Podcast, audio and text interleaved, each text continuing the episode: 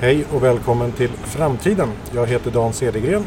Jo, jag heter Helena Källerman. Idag träffar vi Swecos hållbarhetschef Andreas Gyllenhammar. Välkommen! Tack så mycket! Du kom ju alldeles nyligen från klimatmötet i Paris.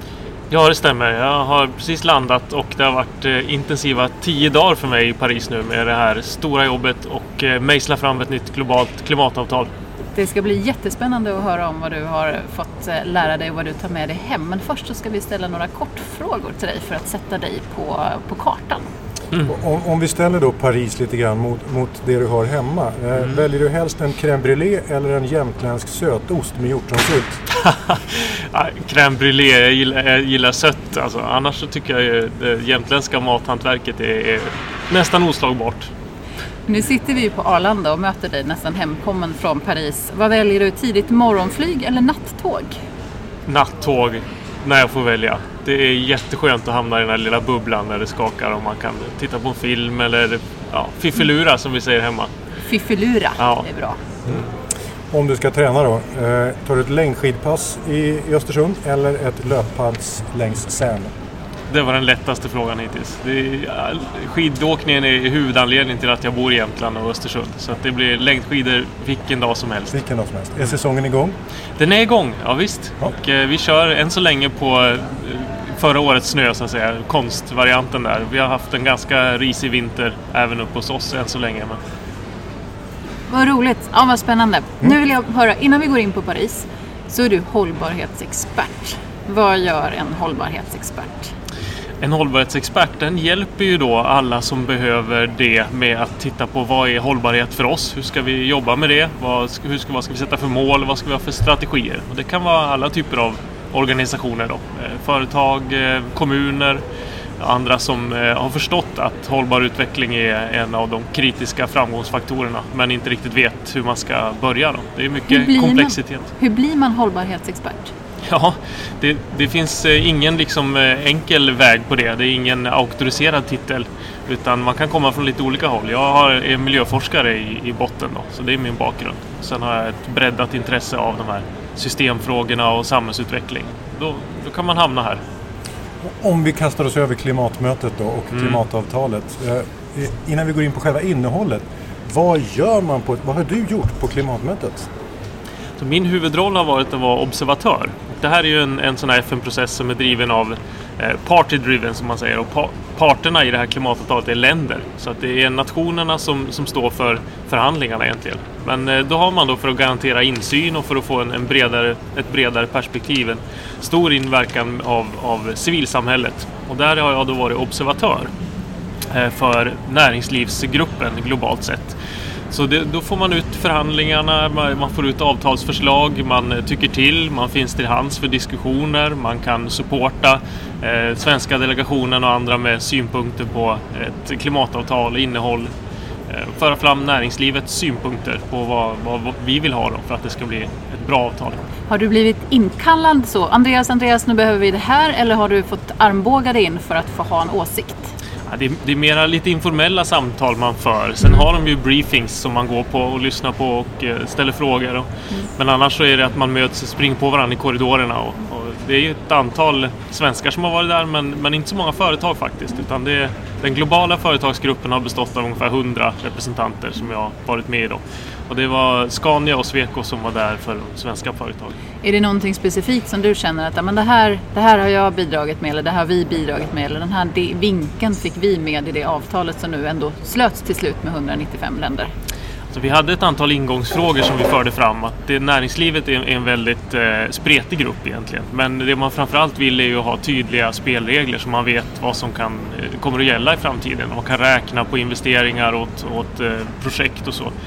Men det som jag ägnade mig åt ganska mycket var att när, när det här eh, skärpningen av tvågradersmålet kom upp på bordet ganska tidigt i förhandlingarna och sa att nej, men vi borde nog sikta på en och en halv grad max uppvärmning. Så ägnade jag mycket tid åt att försöka supporta det och säga att det skulle vara en väldigt tydlig signal till näringslivet att man menar allvar, att vi kommer att avkarbonisera världen som man säger. Så att det, det prioriterade jag att försöka trycka på värdet av att, att få en skärpning av det. Vi, vi, fick ju ett avtal nu då till slut. 195 länder har skrivit på. Hur viktigt är det för världen och för framtiden? Ja, påskrivningen sker i april så vi vet inte riktigt än vad alla skriver på. Och, Okej. och Nicaragua har redan sagt att vi tänker absolut inte skriva på. De var lite sura. Men det räcker med att 55 länder skriver på för att det här ska gå igenom. Så att alla ser ju att det kommer att gå igenom. Vad var frågan? Jag glömde hur, den. hur viktigt är det? Och liksom, I Ja, Köpenhamn det. så fick vi inget Mm. avtal. Eh, Och, alla var väldigt frustrerade över det. Men nu Mm. har vi ett avtal. Vad kommer det göra för skillnad? Ja, det är en jättebra fråga och, och den analysen har precis bara börjat tror jag. Men om man vänder på det ska vi säga att det hade varit väldigt olyckligt om vi inte hade lyckats få till ett avtal. Så alternativet hade varit snudd på katastrof. Eh, Men sen är det, är det så att det här kommer att innebära då en, en eh, omställning av världsekonomin som jag ser det. Man har committat sig från alla länder att vi ska göra det här. Och eh, bara det är ju ganska otroligt att man har fått en sån bred enighet från alla länder. Oavsett om man är fattig eller rik, om man är låglänt önation eller om man är välutvecklat EU-land så samsas man nu globalt kring att nej, men vi förstår att vi måste göra det här. Och vi ska göra det ganska fort också. För att vi är i ett kritiskt läge. Så den signalen har man nu skickat ut och alla länder har eh, åtagit sig att göra eh, drastiska reduktioner av, av klimatgaser. Så kombinationen av det som du säger, dels klimatet, man har kommit överens om att, att sänka nivån till en och en halv Mm. procent, en och en halv grad ökning av, av eh, vad säger man, av klimatet, av väder, nej av temperaturen. Ja, den är det. globala medeltemperaturen Ja, jämfört med förindustriell tid. Just det finns det. ju Ja, mycket får vi- teknikaliteter i det här. Och de kommer man säkert diskutera länge. För Ja. att det är ju som ett sånt här avtal. Det är ändå på, bara på 30 sidor. Och där ska allting stå. Där ska alltid stå och man kan välja att tolka.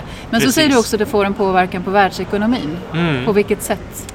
På, på det sättet att idag har vi en världsekonomi som till 80% är driven av fossila bränslen. Mm. Och det är det som vi på något sätt måste ifrån. Då. Så det, det är ingen liten omställning. Och det är verkligen inget miljömöte på det viset. Utan det har varit ganska tydligt att det är, det är statsministrarna och regeringscheferna som har varit där och, och, och haft det sista ordet. Och eh, det har varit väldigt viktigt att man har fört upp samtalen på den nivån för att få igenom det här. Då. Hur, hur viktigt, hur, hur närvarande har motsättningarna varit? För att, det, att man ställer om världens ekonomi på det här sättet skapar ju en omfördelning av resurser och liksom det drabbar eh, olika regioner och länder på olika sätt. Hur, hur närvarande har det varit i, mötes, i mötet? mer och mer ju längre mötet har gått. Det började med en otroligt stor enighet och uppbyggnadsfasen har varit att nu ska vi fixa det här. Och eh, när statscheferna klev in så var också fortsatt idén att nu ska vi fixa det här. Men ju mer man kommer ner till detaljerna så, så visar sig de här motsättningarna och det har varit de klassiska skiljelinjerna med att de rika länderna eh, säger att ja, men ni håller på att bli rika och ni får inte bli rika på samma sätt som vi har blivit rika. Och utvecklingsländerna säger att eh, vi kommer att få en del stryk på grund av klimatförändringarna. Det måste ni faktiskt vara med och betala. Och Indien har sagt att vi kommer inte att, sätta eh, våran fattigdomsbekämpning på eh, stopp för att vi ska göra det här. Så att då har man hamnat ner i de här skiljelinjerna och det har varit väldigt bra att man har haft en sån hög tröskel från början på att vi ska fixa det. Annars hade det nog inte räckt ända fram. I, I avtalet så finns ju då också eh, en överenskommelse om ekonomiskt bistånd från eh, den, den rikare delen av världen på vad är det, 100 miljarder dollar om året. Precis. Eh, kommer det räcka? Är, liksom, eh, eller, liksom, hur, hur ser du på den? Eh, Ja, det det var, det var också en av, av stötestenarna här, hur finansieringen, nivån på den. Och eh, det man gjorde var att förut har man sagt att 100 miljarder är en nivå man, man ska uppnå. Nu har man mer definierat om det som att det är ett golv och att det är det minsta vi, vi kan jobba med. Och jag tror inte att det kommer att räcka då, som det ser ut. Det beror på hur fort vi lyckas. Men eh, man har också funderat väldigt mycket på differentieringen, vem som ska betala och så. Och, Kan du ge ett exempel på vad det här biståndet kan vara för någonting? För det, det kan vara svårt att hänga med i den där Mm. terminologin när man tänker klimat och tänker annat. Men vad, Mm. vad är konkret det biståndet? Det man har sagt är att det ska omfatta både utsläppsminskningar och klimatanpassning. Så det är två delar i det. Mm. Just Och det. klimatanpassning det kan ju då helt enkelt vara att hjälpa städer och utsatta samhällen att skydda sig mot klimatförändringar. Sätta upp skyddsvallar, att eh, göra planer för hur man ska klara värmeböljor och, och översvämningar och annat. Mm. Eh, utsläppsminskningar kan handla om att hjälpa till med investeringar i förnybar energi. Att, eh, ta ner, ta bort eh, koleldning och, och supporta solceller. Och det presenterades väldigt mycket privata initiativ på det här mötet också. Där eh, Bill Gates och, och Mark Zuck- Zuckerberg och andra gick in och sa att vi kommer att, sätta igång en massa projekt kring det här. Och, och det är ju en intressant eh, iakttagelse då att näringslivet var väldigt närvarande med, med den viljan för att backa upp det. Och, så man säger att städer och, och regioner och företag var väldigt viktiga aktörer den här mm. gången. Som visade då gav support till, till ländernas ledare att vi ser inte längre den här gamla motsättningen mellan en, e, e, ekonomi och, och hållbarhet utan vi kan göra det här på ett bra sätt. Det tror jag man hade med sig in. Då. Är, är det här nya pengar eller kommer det svenska biståndet räknas in i de här 100 miljarder dollarna? Eller hur, hur funkar det? Oklart, ska jag säga. Snabba svaret. OECD presenterade en rapport där som sa att eh, mycket av de här pengarna är redan mobiliserade men den fick stor kritik från utvecklingsländerna som sa att det där är gamla pengar. Eh, det där kan ni inte räkna. Eh, så det kommer man antagligen också behöva rota lite mer i vad, vad som är det. Och, och, eh, det är ju så generellt med det här avtalet att även fast det har ett starkt signalvärde så börjar man bryta ner det så ser man att det finns väldigt stora mått av, av tolkning och frivillighet i det här bygger ändå på att, att länderna har sagt vad de kan bidra med och att det är det man åtar sig att göra. Så att man har så att säga inte skruvat åt eh, lagligt på det sättet. Om man väljer att inte göra det man har sagt så finns det inte heller något, eh, någon klausul på att du blir skadeståndsskyldig eller så. Och det är väldigt svårt i, i sån här internationell rätt att avgöra då vad, vad som gäller. Vi brukar ju prata om hållbarhet och sustainability tre olika ben. Att det är social hållbarhet, ekonomisk hållbarhet och ekologisk hållbarhet. Är, det här, är de här målen, de här pengarna bara kopplat till klimatet och ekologin eller kan man trycka in social och ekonomisk hållbarhet i det också? Jag tror inte att man kan göra det direkt men det kommer att få sådana konsekvenser. Och, eh, man pratade ganska mycket om kopplingen här mellan eh, klimatavtalet och eh, FNs nya hållbarhetsmål mm. som sattes upp i höstas som ni har pratat med Alan Atkinson om tidigare vet jag. Eh, och det är ju så att eh, klimatmålet som är ett eget mål av FNs nya eh, har man egentligen hänskjutit till den här processen. Man har sagt att Paris får hantera klimatfrågan nu så får vi se hur vi jobbar vidare med den. Och det var väldigt stort tryck under mötet på att få in eh, gender equality på, och, och prata om sociala effekter. Och, och Som ligger i de här 17 SDG-erna, de här Precis, andra alltså, kopplingen är viktig men man, man nådde inte riktigt eh, in i att konkretisera det. Då, utan det franska ordförandeskapet var extremt fokuserat på att nu ska vi få till det här avtalet. Mm. Och att man eh, fick ta lite shortcuts, gena lite och även vattna ur lite de sista dagarna för att nå fram. Men vi observatörer tyckte att det där är det var rätt prioriterat. Så att säga. Mm. Man har kunnat prata om det här väldigt, väldigt länge. Men nu var prio ett var att få en, en grund på plats. Har vi räddat världen? Jag tror man kan eh, titta tillbaka och säga att det hände någonting i Paris som gjorde att eh, det blev mer fart och att det var mm. tydligare. Så att eh, ja, skulle jag säga. Mm. Bra! och om vi klarar det vi har förutsatt oss nu, att gå well under två grader eller mm.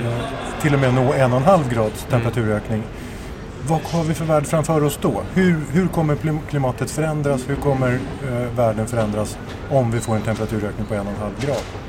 Vi, vi har ju redan nått en grad hittills eh, jämfört med förindustriell tid. Så att vi kommer ju nå vid en och en halv grad, som ju en del säger är, det är rätt utopiskt, men det, det, finns absolut möjligheter. Så kommer vi fortfarande att se ett, ett annat klimat, men inte på den här nivån att effekterna börjar dra iväg. Och eh, det är ganska intressant när man tittar på klimateffekter för just mellan en och upp till 3-4 grader så sker det väldigt stora förändringar. Så en en och en halv grader värde... Är det då metangasen börjar tina upp i, Sibirien? Eller? Ja, korallreven är en av de stora sakerna som påverkas mycket mellan en och två grader. Okay. Eh, destabiliseringen av is, eh, de stora ismassorna är en annan.